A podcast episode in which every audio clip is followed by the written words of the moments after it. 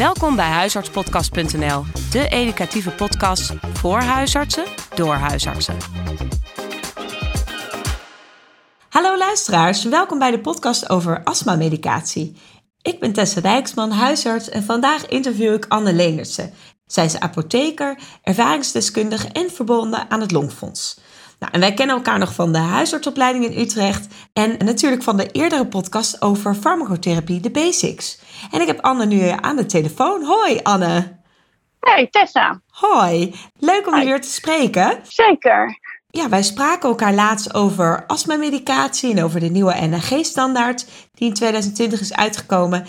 En ik begreep van jou dat het ja, toch belangrijk is om daar een podcast over te maken voor huisartsen. Kun je dat nog eens toelichten?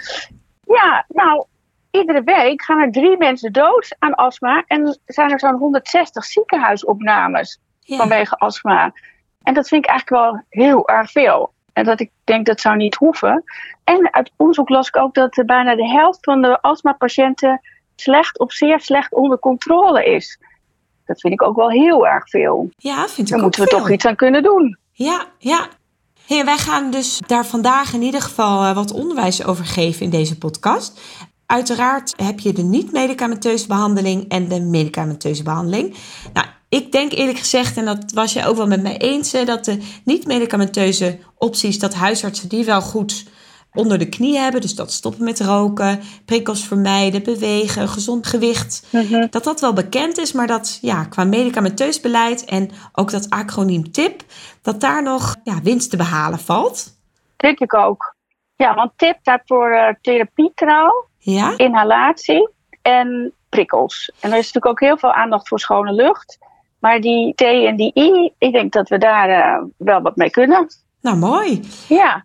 Want kun je nog wat meer ingaan op die therapie trouw en die fouten met uh, inhaleren van medicatie? Ja, als je bij therapie trouw bij chronische medicatie is over het algemeen wel slecht. Maar als je het hebt over inhalatiemedicatie en, of, en kijkt naar astmapatiënten, ja. dan is het wel echt heel slecht. Als je kijkt naar zeg maar, de ophaalcijfers in de apotheken, daar is natuurlijk onderzoek naar gedaan. En dan is het zeg maar twee derde van de mensen die redelijk trouw hun pufjes komen ophalen in de apotheek. Ja. Er is ook Nederlands onderzoek gedaan onder astmapatiënten in de eerste lijn. En gevraagd hoe ze hun medicatie gebruiken en hoe trouw ze eigenlijk zijn in het gebruik van hun medicatie. Uh, en dat is gedaan door middel van vragenlijsten. Dan is zo'n 24% van die patiënten die neemt het, die inhaleert voornamelijk natuurlijk hun medicatie zoals de dokter dat geadviseerd heeft. Dus maar een kwart doet het goed. 24 procent. En dan denk ik vragenlijsten. Nou, ik denk ook wel dat mensen dan sociaal wenselijke antwoorden gaan geven. En als het dan maar 24 procent is, nou, dat is wel echt heel erg, toch? Ja, ja. ja en ik zal dat, dat is een onderzoek van Stenis et al, hè, die zal ik ook in de show notes nog zetten. Ja, het inhaleren van medicatie, daar kan heel veel mee fout gaan. En de LAN, dat is de Longalliantie in Nederland, samenwerkingsverband van allerlei partijen, en die schrijven steeds dat het 70% van de patiënten het niet goed doet. Nee. Fouten maakt. Dat is ook echt heel erg veel. Ja, heel veel. Kunnen we, ja. Dan kunnen we ook winst halen. Ja. ja. Nou, goed om te weten. Hey, en dan gaan we over naar de behandelstappen van de medicatie aan de hand van de NAG-standaard. Want ja, ik merk ook bij mij en ook bij mijn collega's dat er zijn zoveel verschillende soorten inhalatoren en zoveel verschillende medicatiesoorten en merken dat ik ja, door de bomen het bos soms niet meer zie. En ja, wij gaan daar deze podcast structuur in proberen aan te brengen. Zou jij voor ons de verschillende stappen van de NAG-standaard kunnen doornemen en dan ook de medicatiegroepen daarbij kunnen benoemen? Ja, ga ik zeker doen. En ik begrijp het ook wel dat het verwarrend is en iedereen denkt dat het heel erg moeilijk is. En dat komt omdat er heel veel verschillende apparaatjes zijn en heel veel verschillende combinaties. Maar in de eerste lijn gebruiken we eigenlijk maar een paar groepen. En die kunnen we nog met elkaar combineren. En eigenlijk is het helemaal niet zo moeilijk. Mooi, dat, dat, dat gaat lukken. Dat gaat lukken. Ja, ja mooi. Oké, ja. Uh, kunnen we naar stap 1? Ja, stap 1. Stap 1 hebben we eigenlijk twee mogelijkheden.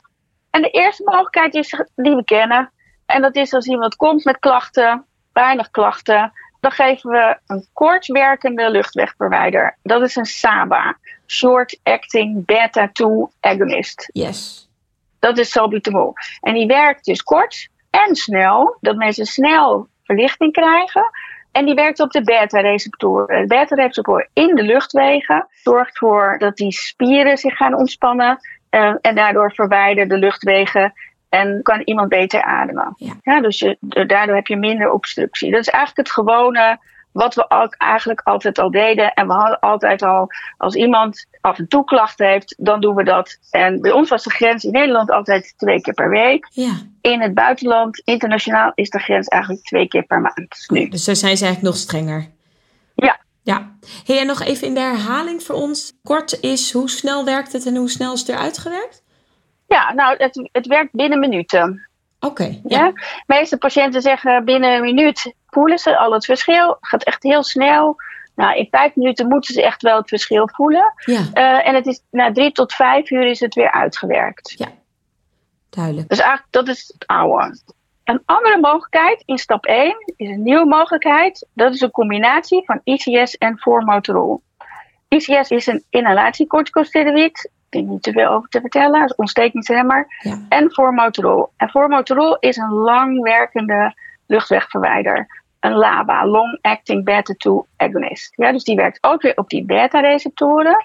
Zorgt ook weer voor verwijding voor de luchtwegen. En is uh, snelwerkend en langwerkend.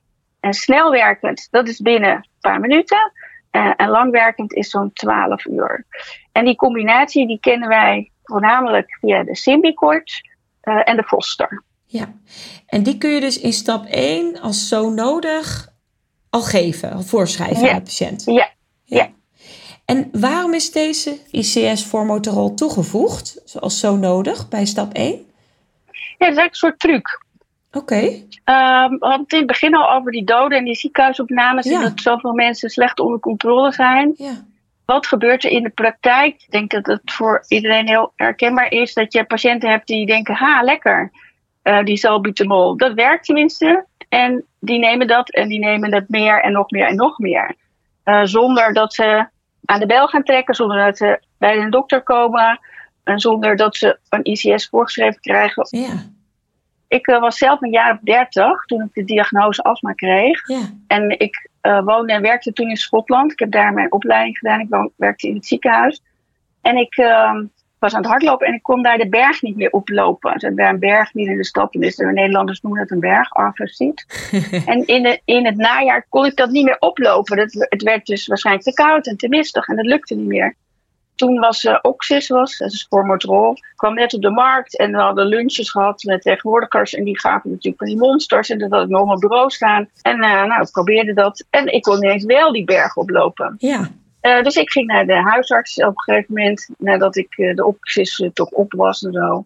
En longfuncties en zo. En nou, op een gegeven moment schreef hij mij ook een inhalaatiecorticosteroïd voor. En gewoon lekker uh, salbutamol erbij. Ja. En uh, ik vond het prima, die salbutamol. Daarmee kon ik gewoon de dingen doen die ik wilde. Maar ik werd hees van dat inhalatiecorticosteroïd. Ik werd hees van de pulmicort. Dus dat ja. vond ik vervelend spul. Uh, en ik zat toen in het theaterkoor en ik wilde graag zingen. En ik kon gewoon niet meer goed zingen. Ja. Uh, en ik dacht, nou, nodig voor het sporten, dus laat maar zitten. Ik hou het wel bij mijn kortwerkende luchtwegverwijder. Ja? Ja. En, en ik wist natuurlijk heel goed wat het was en waarom ik het zou moeten doen, uh, maar ik deed het niet. Nee. En zo zijn natuurlijk heel veel mensen. Er zijn ook heel veel mensen die dat helemaal niet weten en helemaal niet het besef hebben. Uh, en omdat er eigenlijk ook vroeg in te krijgen dan, zo'n inhalatiecorticosteroïd, helpt dat. Er is ook wel onderzoek naar gedaan. Dat mensen ook met milde klachten, weinig klachten, als je die zo nodig, dus formoterol met een inhalatiecorticosteroïd geeft, dat die minder vaak in het ziekenhuis komen. Minder ziekenhuisopnames zijn. Ja. dus je geeft eigenlijk formoterol gecombineerd met een inhalatiecorticosteroïd als een soort truc dat mensen toch de korte termijn effecten meteen ervaren, waardoor wellicht de therapietrouw beter is. Maar het is dus ook nog bewijs voor dat mensen dus minder vaak exacerbaties hebben of ziekenhuisopnames. Ja, klopt. Ja. Nou, wat mooi. Dus dat is een goede truc die je bij stap 1 ook al kunt starten. En dan zo nodig, hè? Dus het hoeft niet iedere dag, gewoon zo nodig. Maar ik dat heel veel patiënten dat heel prettig gaan vinden. Ja? Ja, dan heb ik heb het idee dat ze zich dan minder ziek voelen. Hè? Dan, oh, alleen als ik last heb, neem ik een pufje. En uh, verder uh, hoef ik het niet elke dag. ja. Nou, interessant. En dan stap 2. Stap 2 ja, uh, was altijd zo. Dagelijks een lage dosering inhalatiecorticosteroïd erbij geven. Ja. Uh, en de andere mogelijkheid in stap 2 is eigenlijk dezelfde als die in stap 1 staat. Dat is dus de combinatie van een inhalatiecorticosteroïd met formoterol en dan zo nodig. Ja, dus stap 1 en stap 2, die formoterol met ICS blijft hetzelfde eigenlijk. Ja. Ja, en dat is dus die nogmaals in de herhaling de Symbicort of de Foster bijvoorbeeld. Ja. Ja. Super. Nou, makkelijk. En dan stap 3. Makkelijk, hè? Ja, goed. Ga naar stap 3. Ja. En in stap 3, dan als mensen dus niet onder controle zijn met dat zo nodig, of met een hele lage dosering inhalaatiecorticosteroïds alleen, uh, dan moet je gewoon echt naar onderhoudsdosering. Ja. ja. Dan moet je echt naar dagelijks ICS geven. Ja. ja? En dat kan ICS met voormotorrol, uh, dus gewoon iedere dag. Maar je kan ook met een ander langwerkende luchtwegverwijder combineren. Ja?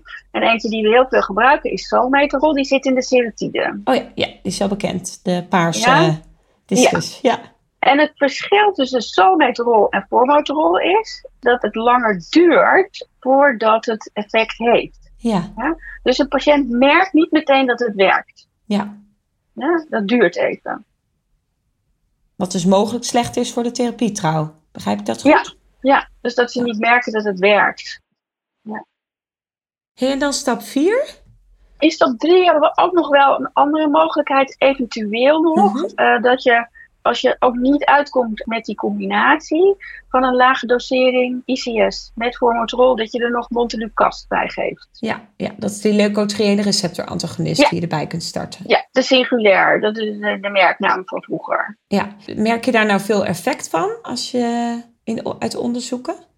Uh, ja, uit onderzoek is zeker effect aangetoond. Het ligt nogal onder vuur momenteel, omdat er wel wat psychische bijwerkingen zijn. Oké. Okay. Wat dan bijvoorbeeld? Depressie, suicides, oh. uh, van alles nog. Ja. Okay. En uh, de FDA heeft daar ook meer restricties aan gegeven. Ja, wij zijn er nog wel wat nuchterder in. Het staat dus nog wel in de NAG. Ik merk wel dat in de tweede lijn dat longartsen ook steeds terughoudender zijn met de Ja. Ook zeker bij kinderen wordt het eigenlijk niet meer gegeven. Nee, oh, is goed om te weten. Ja, Ja, ik heb zelf wel oh daar bij patiënten wel hele goede ervaringen mee gehad. Dat mensen er echt wel heel erg van opknappen. Mhm. Ja, bij, dat Ja. bij de een werkt het niet en bij de ander werkt het echt wel, geeft het echt wel toegevoegde waarde. ja, ja. Oké, en dan stap 4. Nou ja, stap 4 is, is eigenlijk heel simpel.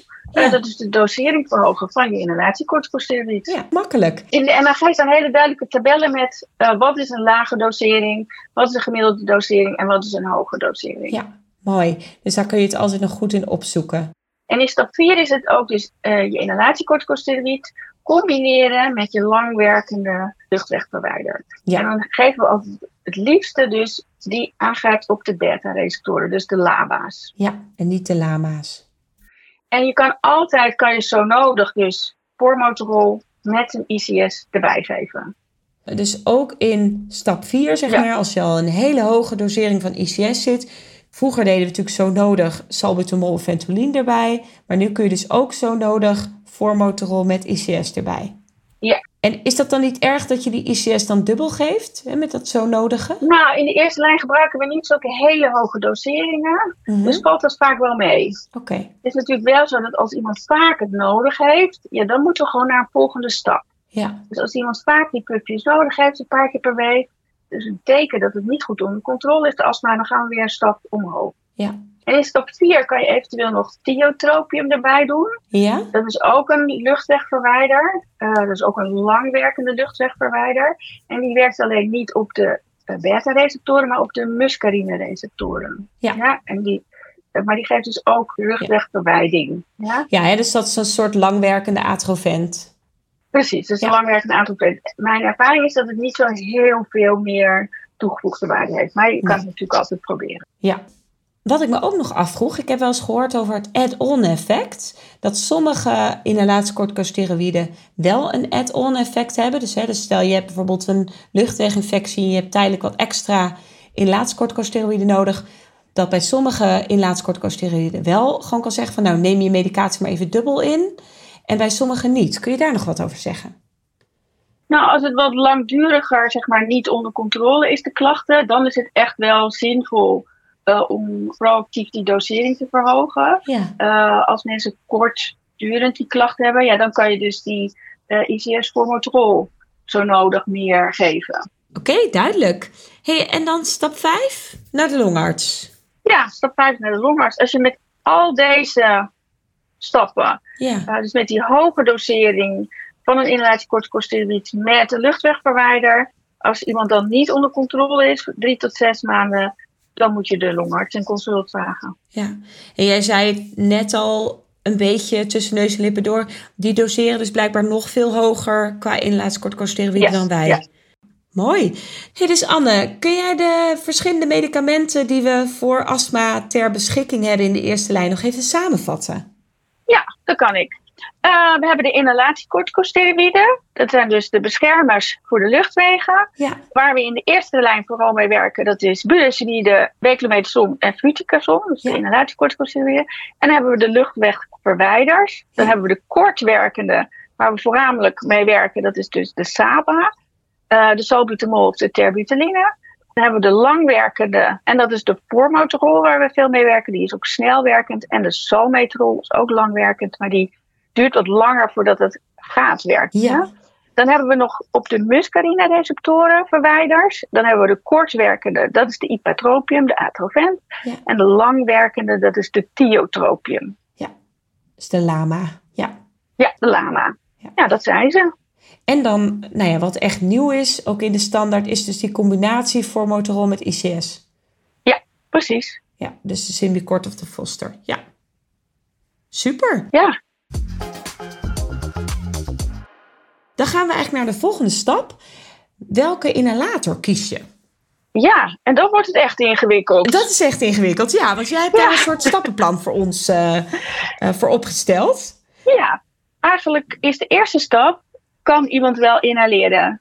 En kan hij wel instructies opvolgen? De oog-handcoördinatie of iemand Precies. überhaupt in staat is om zoiets te doen. Ja, of die leerbaar is, hè? Of die ja. Ja, want het is ingewikkeld. Ja, ik denk dat de meeste patiënten dit wel kunnen. Zeker. Maar goed, als een soort stap nul, dus uh, kan iemand überhaupt inhaleren? Ja. Oké, dan stap 1. Dat is de inhalatiekracht. Hebben mensen voldoende kracht om het naar binnen te krijgen? Om het zelf uit zo'n apparaatje te kunnen inhaleren? Is die flow voldoende? Ja. Als dat niet zo is, en als mensen niet hun adem kunnen vasthouden, dan uh, moeten we naar een dosis aerosol. En een dosis aerosol is zo'n spuitbusje. Ja. En het lastige van zo'n spuitbusje is, is dat het met een enorme snelheid eruit komt. Mm Ja, dan klapt het meteen achter in de mond. En dat is gewoon heel lastig om dan ook nog heel rustig te kunnen inademen. Dus dan heb je altijd een voorzetkamer nodig. En welke patiënten zijn dat die dus weinig tot geen inhalatiekracht hebben? Dat is op het moment dat ze heel erg benauwd zijn. Ja dan wordt het vaak lastig. Uh, maar bij astma-patiënten kan bijna iedereen een poeder inhaleren. Ja. ja. Die kleine kinderen is het ook lastig, maar we hebben het over volwassenen. Ja. ja. En in Nederland gebruiken we ook vooral poederinhalatoren. Ja. En binnen de poederinhalatoren verschilt het nog een beetje de inhalatiekracht. En er zijn een aantal apparaatjes waarbij je echt veel inhalatiekracht nodig hebt om het eruit te halen om dat, dat poeder wat dus in dat apparaatje ligt, om dat in die longen te krijgen. Daar is veel kracht voor nodig. En dat gaat om de weerstand van het apparaatje. Uh, we denken dan, vooral als je jonge vrouwen en zo tegenover je hebt, van nou, dat zit allemaal wel goed. Ja. Maar soms is dat dus niet zo. En het zijn juist dan die astma-patiënten, die jongere vrouwen tussen de 20 en de 30 is mijn ervaring, die het dan niet halen. Die dat mhm. niet voor elkaar kunnen krijgen. Sommige mensen hebben in de praktijk hebben ze praktijkondersteuners soms een apparaatje om dat te meten, injectile. Apotheken hebben het ook vaak. Dus als je erover twijfelt, dan kan je dat weer nameten. Oké. En de apparaatjes uh, waar je veel inhalatiekracht voor nodig hebt, uh, dat is de Turbuhaler bijvoorbeeld, die we veel gebruiken. Ja. Uh, of de Easy Haler. Daar heb je nogal wat kracht voor nodig om het eruit te krijgen. Ja. Als er minder inhalatiekracht is, of als je dat vermoedt, dan kan je dus beter naar een discus gaan. Of de generieke discussen die we nu hebben. Dus die, die serotide en flexotide discussen die we wel kennen van vroeger, die zijn nu ook generiek? Ja. ja. Oké, gaan we naar stap 2. Ehm, en dat is de uniformiteit. En daarmee bedoel ik dat je zoveel mogelijk medicamenten, zoveel mogelijk verschillende stappen in je behandeling in één apparaatje kan krijgen, in hetzelfde apparaatje. Ja. Uh, als mensen, patiënten hetzelfde apparaatje gebruiken voor verschillende inhalaties, dan maken ze minder fouten. Ja. Dat is een voordeel. Ja, dus bijvoorbeeld bij de discus, we kennen allemaal zo'n hele riks met al die verschillende kleurtjes. Ja. Uh, dan kan je dus van alles in hetzelfde apparaatje krijgen. En dat maakt de kans op fouten gewoon kleiner. Ja, dus dat je zeg maar en de serotide in de discus doet en ook de ventolin.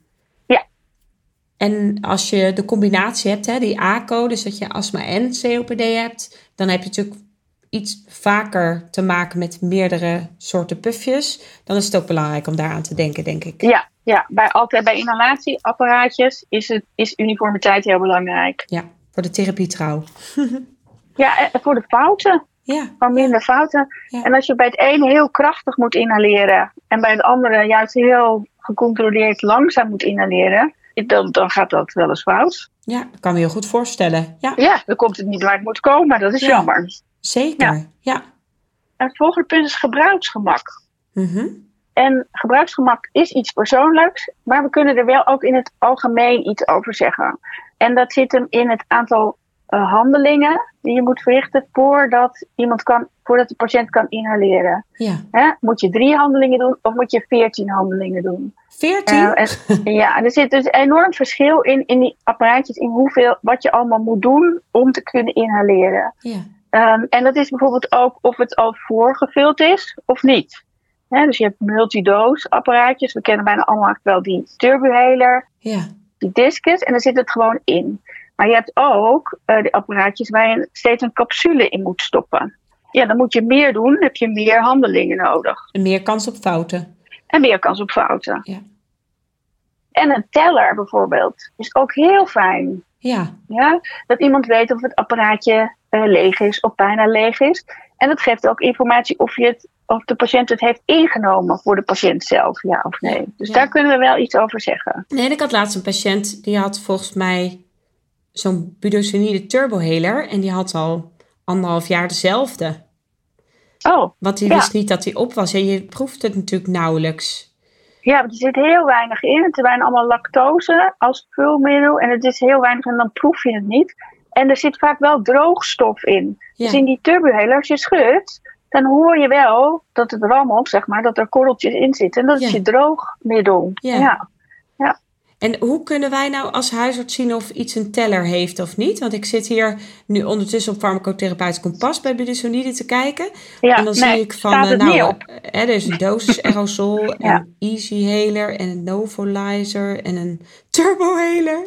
Ja, Ja, ik heb net een artikel geschreven, het aantal eh, andere deskundigen, ja, over het, het vergelijken van allemaal verschillende apparaatjes eh, met de SOJA-methode. En dat is een methode waar je, wat je voor FTO's en zo kan gebruiken, om Ja. een formularium te maken. En dan kan je zelf bepalen van wat vind ik belangrijk in een apparaatje, in dit geval, of een pil of wat dan ook.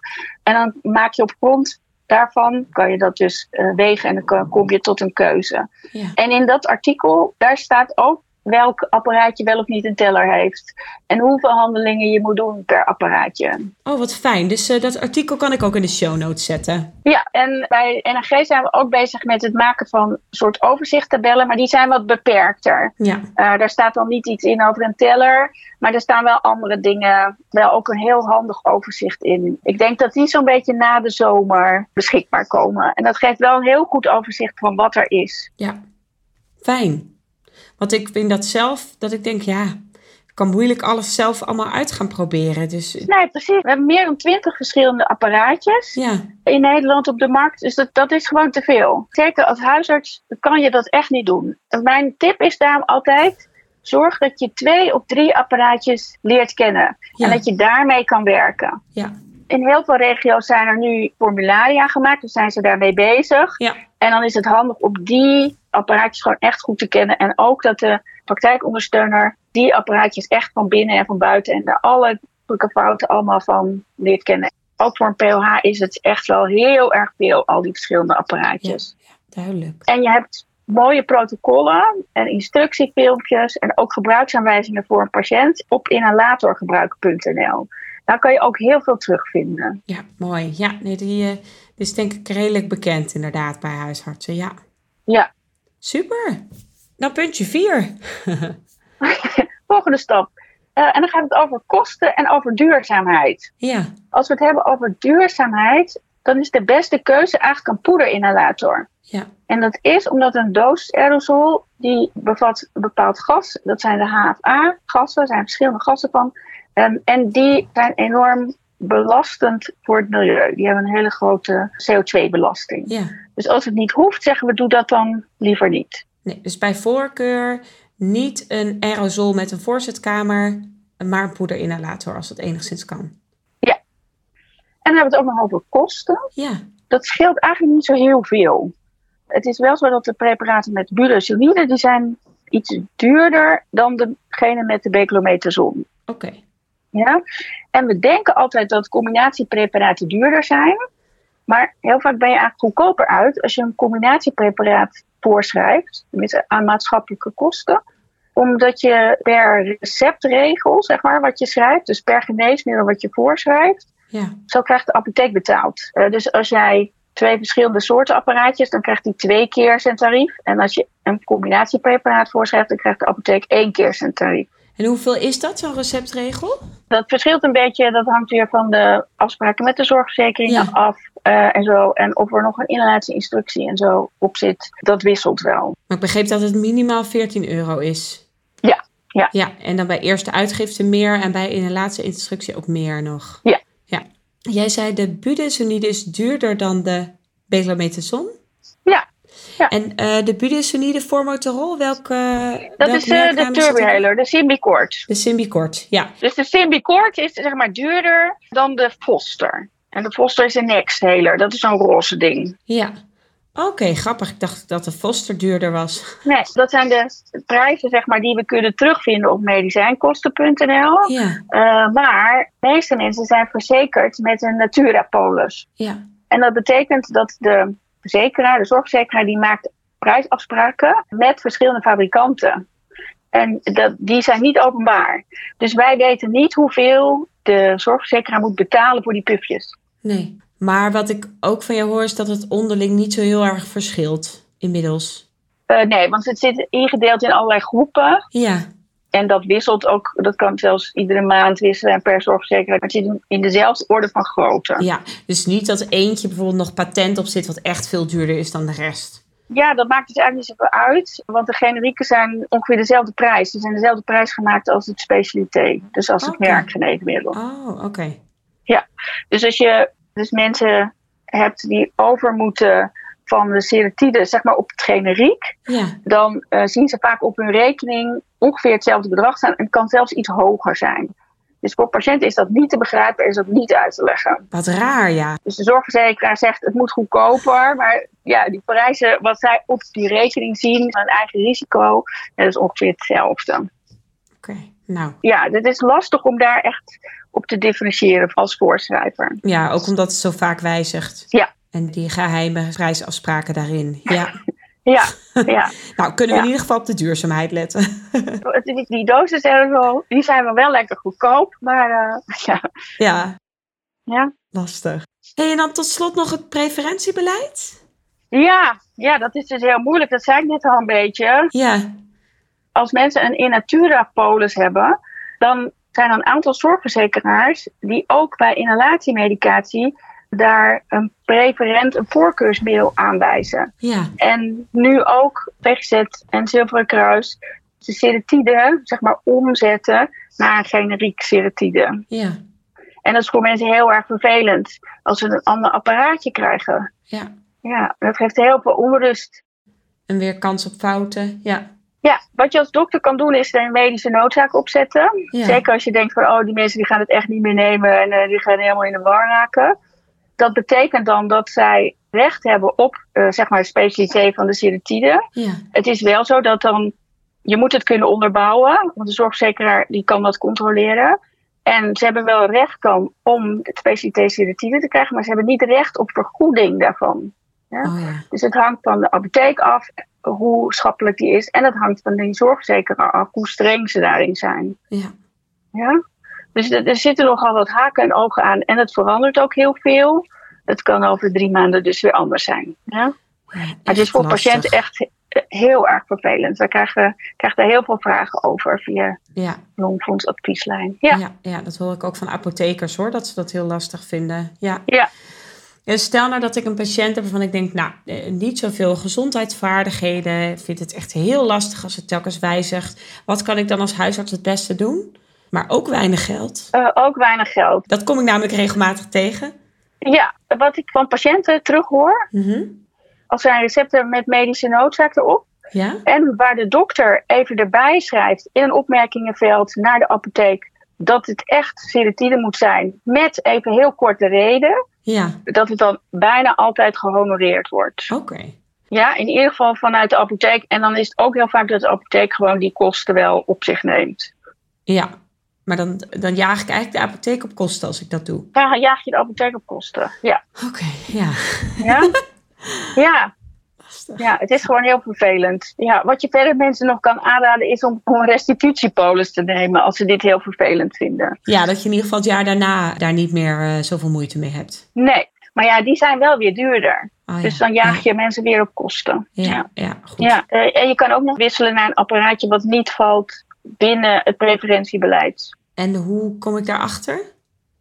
Uh, dat is de Relvar. Oh, dat is ook van GSK. En dat apparaatje lijkt heel erg op de discus. En er zitten bijna dezelfde soort stoffen in. Er zit uh, ook fluticasol in. En er zit niet salmeterol in, maar er zit filanterol in.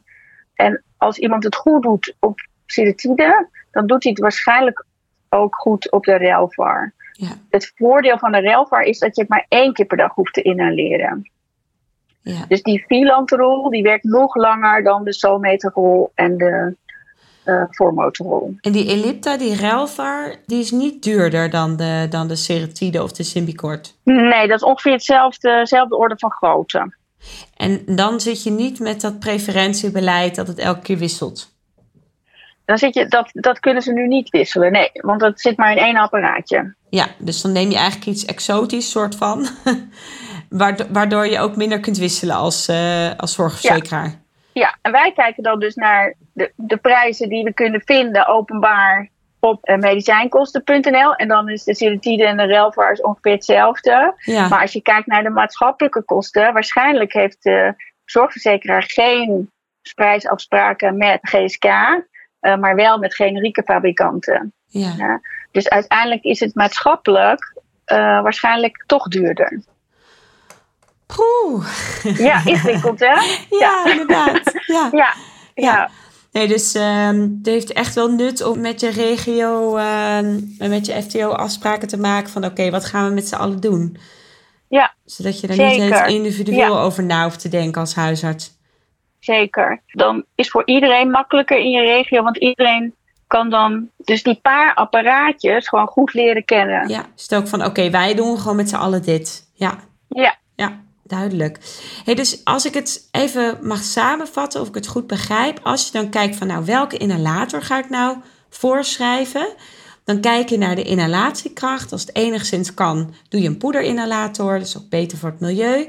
Je kijkt dat je dezelfde inhalator gebruikt voor alle medicamenten, inhalatiemedicamenten die je voorschrijft bij een patiënt, zodat zo min mogelijk fouten worden gemaakt. Mhm. Je kijkt ook naar het gebruiksgemak. In ieder geval, je hoopt dat je regionaal dat daarnaar gekeken is. En dat kan aan de hand van het SOJA-artikel. Dat zal ik in de show notes zetten, waar onder andere wordt gekeken naar het aantal handelingen en of het bijvoorbeeld voorgevuld is of een teller heeft.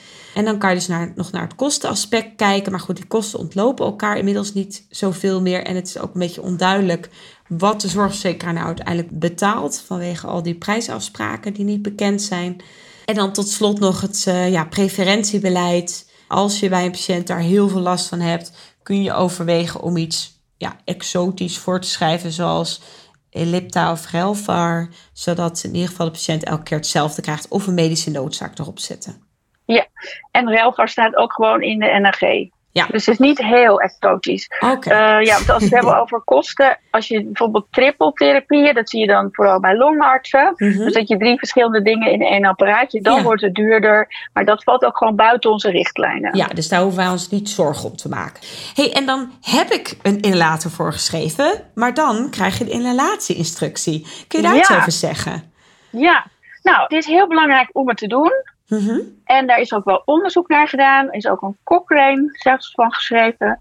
Dat het zinvol is om mensen instructie te geven en om dat te herhalen. Ja. En het allerbelangrijkste is dat mensen het krijgen en op een goede manier. En dat betekent dus niet het apparaatje laten zien aan de balie en de gebruiksaanwijzing meegeven, maar dat je de patiënt voor laat doen. Ja. En het maakt niet zoveel uit wie het doet, als het maar gebeurt. Ja, dus moet je eigenlijk een afspraak over hebben met de apotheek. Doet de apotheker het of doet de ja. Long of de huisarts het? Precies. En op inhalatorgebruik.nl staan protocollen mhm. eh, en instructies. Nou, ik wil iedereen daar vooral op wijzen om het met klem ook op die manier te doen. Ja. Want dan doen we het allemaal op dezelfde manier. Ja, en er staan ook goede filmpjes, hè?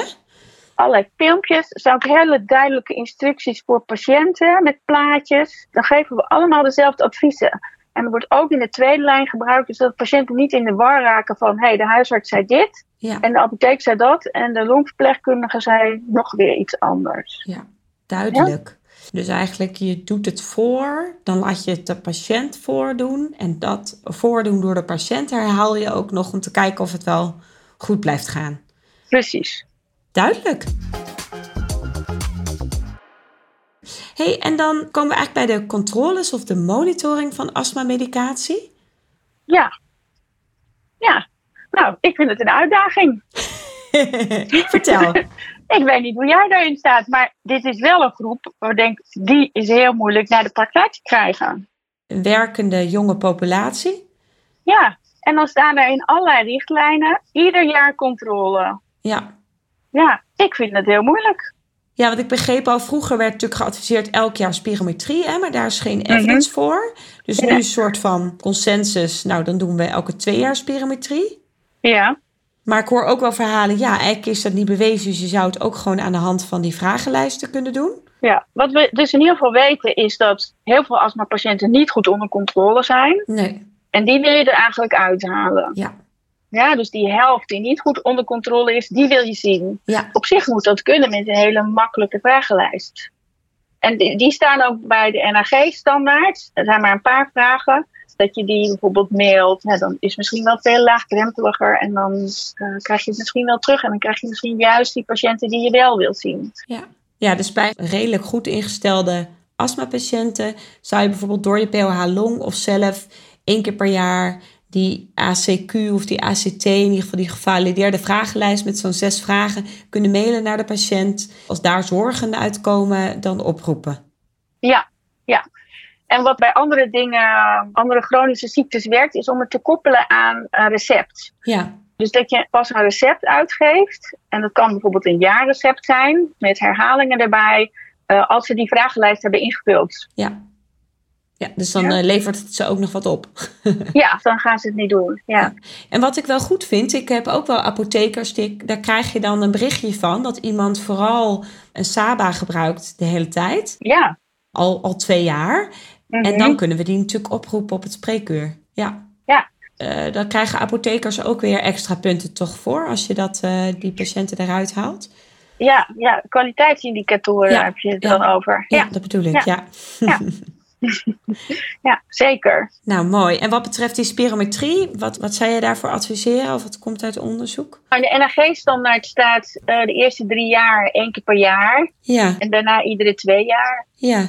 ja. Maar dat is een consensus. Mijn ervaring is gewoon toch ook moeilijk om ze iedere twee jaar naar de praktijk te krijgen. ja. ja. ja ja, denk er vooral over na. Maak er een soort plan voor. Ja. Om te kijken of je in ieder geval dus die, die helft die niet goed onder controle is, dat je die eruit kan krijgen. Ja, ja. Uh, de, LAN, uh, de Longalliantie Nederland heeft samen met de patiëntenvereniging ook een soort astma-test gelanceerd. Oké. Die zou je ook nog eens rond kunnen mailen of op je scherm in de wachtkamer. En hoe kunnen we die astma-test vinden? Via de Longalliantie. Ik denk dat het lam.nl. Zullen we het in de show notes zetten? Zetten we in de show notes. Leuk. Ja, ja. ja. hey, en dan krijg ik uh, zo'n zo astma-patiënt op het spreekuur. Dan ga ik natuurlijk die tip weer navragen. Hè? Dus therapietrouw, inhalatietechniek en uh, prikkels. Wat doen we nog meer? Ja, vraag naar bijwerkingen. Dat kan ook invloed hebben op je therapietrouw. Ja. Um, en die luchtwegverwijders, de SABA en de LABA, die werken op de beta-receptoren. Ja. Um, en die geven vooral palpitaties, tremor en onrust. Ja. Ja, kan voor sommige mensen heel erg zijn. En het kan zo erg zijn dat ze daarom hun medicatie niet innemen. Oké. Ja, als ze daardoor echt hun medicatie niet innemen, dan kan je als alternatief kan je een luchtwegverwijder geven die op de muscarine-receptoren werkt. Ja, dus zo'n SAMA of zo'n LAMA. Precies, dus dat is de atrovent, ipratropiumbromide of de ja. tiotropium ja. Ja. En voor astma is voor de tiotropium alleen maar de mistinhaler geregistreerd, dus niet de poeder. Oké. Ja. Maakt dat dan heel erg uit? Uh, nou, daar is het onderzoek naar gedaan. Ja, dus ja. Ja, ja. ja. Maar die is weer niet zo milieubelastend, die respimat. Ja? Oké, nou gelukkig. Terwijl die Spiriva met al die capsules, dat is ook weer een gedoe. Ja. plastic, ja, ja. Wat de patiëntenvoorkeur heeft dan. Ja. maar dat is dus een alternatief voor als, het, of als mensen er niet van kunnen slapen. Van die, van die onrust, die hartkloppingen, ja. Goeie, om dat ook te bespreken op de controle, ja. Ja, nou wat ook nog wel voorkomt bij de, de langwerkende luchtwegverwijders, dus niet de SABA zozeer, uh, maar dus de formoterol en de someterol en ook dus de filanterol, ook wat nieuwere langwerkende, ja. die op die beta-receptoren, dat zijn spierkrampen. Okay. Uh, eh, nachtelijke spierkrampen. En daarvan kunnen mensen ook soms niet slapen. En dan helpt het om te switchen. Het beste is om eerst te kijken, komt het wel echt daarvan? Dan moet je stoppen. Een paar weken kijken of het dan over is en weer herstarten, kijken of het terugkomt. Maar dat is niet altijd een optie. Nee. Ja? Maar switchen naar een ander apparaat, een ander langwerkende luchtwegverwijder, dat kan ook nog helpen. Dus je switcht dan bijvoorbeeld van formoterol naar Cerevent of zo? Ja, precies. Ja. Dat, we doen het natuurlijk vaak in combinatie, dus dan kan je van de Foster zeg maar naar de sedatine. Ja. Maar interessant, ik moet heel erg zeggen dat ik dat niet zo scherp had, dat je spierkramp kunt krijgen van de lama. Nee. Ja, ik zie het echt meer bij oudere mensen. Mm En er is echt wel een hele duidelijke relatie. Ook is het dosisafhankelijk van hoeveel ze van die luchtwegverwijder gebruiken. De inhalatiecorticosteroïden, de bijwerkingen daarvan, die zijn vaak lokaal. Schimmelinfecties in de mond. Ja. En dat kunnen we toch veelal voorkomen door goed te spoelen. Ja. Soms hebben mensen daar moeite mee, vergeten dat. Ja, dat hoor ik ook vaak, dat mensen dat weinig of te weinig doen. Ja. Hoe adviseer jij dat aan patiënten? Uh, ik adviseer altijd drie keer spoelen. En echt goed uh, langdurig spoelen. En nadat ze alle pufjes hebben ingenomen. Ja. En de derde keer doorslikken. Uh, wat soms kan helpen, is om te kijken om het op een ander tijdstip in te nemen. Dus dat kan je zeg maar, dat kan de POH heel vaak goed met patiënten overleggen van wanneer nemen ze. Dus als ze bijvoorbeeld voor het ontbijt innemen, ja. dan gaan ze daarna ook wel uh, daar drinken ze vaak wel wat bij en eten ze het. En als, dan op die manier reinig je die mondholte ook wel weer. Ja, ja. Hey, en dan heb je nog als het toch uh, heel vervelend blijft, hè? bijvoorbeeld bij een gingivitis of een schimmelinfectie in de mond of heesheid. Dan kun je ook nog switchen naar die cyclosenide of die Alvesco, die prodruk. Kun je daar nog wat over vertellen? Ja, de heesheid. Heel veel mensen denken dat je met heesheid, de, als je maar goed spoelt, dat je dan niet hees wordt. Dat is niet zo. Oké. Want met spoelen kom je gewoon niet bij die stembanden. Nee. Dat lukt niet. Uh, maar die, die heesheid kan echt een probleem zijn. Kan voor mensen dus heel erg belastend zijn. Voor mijzelf was het dus een reden om het niet te gebruiken, omdat ik niet kon zingen. Ja. En mensen die in hun werk veel moeten praten, kan het echt heel erg vervelend zijn. Ja. Ik ken het. ja. De mensen van deze podcast weten dat ik regelmatig ja. schor klink. Ja. ja. ja. Uh, wat, wat je dan kan doen, is een dosis aerosol geven. Uh, met Alvesco, dat is cyclisonide. En dat zijn ook hele fijne druppeltjes. En dat met een voorzetkamer, die vangt dan in ieder geval die grote druppels al weg. Dan heb je ook alweer minder wat daar binnenkomt. Uh, en dat kan nog wel eens helpen. En logopedie kan ook nog helpen. Ja. Ja. Duidelijk. En is, zijn die cyclosenide of die Alvesco, is dat nog duurder dan Een gewone inhalatie corticosteroïd? Dacht dat het allemaal een beetje dezelfde prijscategorie is. Ja, ja. En de bijwerkingen van de, van de thiotropium en de ipratropium, uh, dat is vooral droge mond. Ja, ja, dus dat zijn die anticholinerge bijwerkingen, zeg maar. Ja, ja. ja. ja en ik adviseer mensen dan om uh, een flesje water altijd bij zich te hebben. Ja, slim. Hey, en dan krijg ik ook nog wel eens patiënten die willen afbouwen, omdat het gewoon al een jaar bijvoorbeeld heel goed gaat. Ja. Wat is jouw advies daarvoor? Nou, als jij patiënten hebt op controle, stel dat je patiënt toch ieder jaar keurig terugkomt en het is goed onder controle, ja. dan kan je overwegen om een stap terug te doen. Ze hebben in de NAG dan dat ik je echt die vier stappen, dan kan je gewoon een stap terug doen. Ja. En dan is het de dosering van je inhalatiecorticosteroïden verlagen. En dat doen we meestal met eh, de helft. Ja, dus per drie maanden de helft. En dat per drie maanden. Ja. ja. En dan moet je kijken, dan is het goed om een contact te hebben, na, moment te hebben na zes weken en na drie maanden om te kijken of het goed gaat. Ja.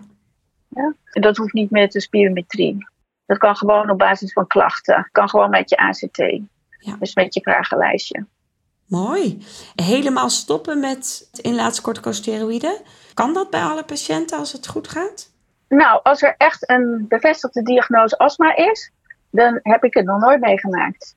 Nee. Kan wel, uh, dus je ICS voor motorol zo nodig. Dat kan natuurlijk wel dat je daarop uitkomt. Ja, dat dat je eindstadium is, zeg maar. Ja. Want ik, ik moet eerlijk zeggen, ik heb het ook nog nooit meegemaakt. Wel eens dat iemand het even weer een jaar probeert, maar dan toch weer klachten krijgt. Ja. ja. En het is ook altijd goed om eerst een jaar stabiel te zijn, dat je alle seizoenen hebt gehad en dan, dan pas af te bouwen. Ja. ja.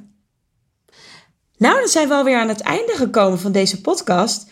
Anne, alvast hartelijk dank. En ik wilde eigenlijk vragen: heb je nog een soort take-home message voor de huisarts van Nederland? Ja, de tip is tip.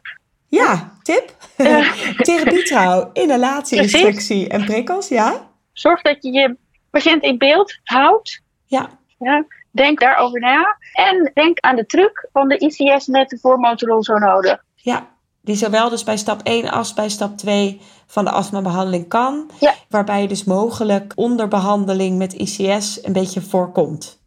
Ja, dat hopen we. Dat hopen we. Nou, voor minder astmadoden en minder ziekenhuisopnames. Hè? Ga ik voor. Gaan we voor. Ja. Nou, nogmaals heel erg bedankt voor dit overzichtelijke beeld van alle astmamedicatie en waar je allemaal rekening mee moet houden als uh, huisarts. Ik heb in ieder geval weer een hoop geleerd. En uh, dan zou ik zeggen tot de volgende keer, tot de volgende farmacotherapeutische podcast. Ja, graag. Tot dan. Dag Anne. Tot dan. Dag Tessa. Doei. Bedankt voor het luisteren. Bekijk ook onze website op huisartspodcast.nl. Voor vragen of suggesties kun je mailen naar huisartspodcast.gmail.com. Tot de volgende keer.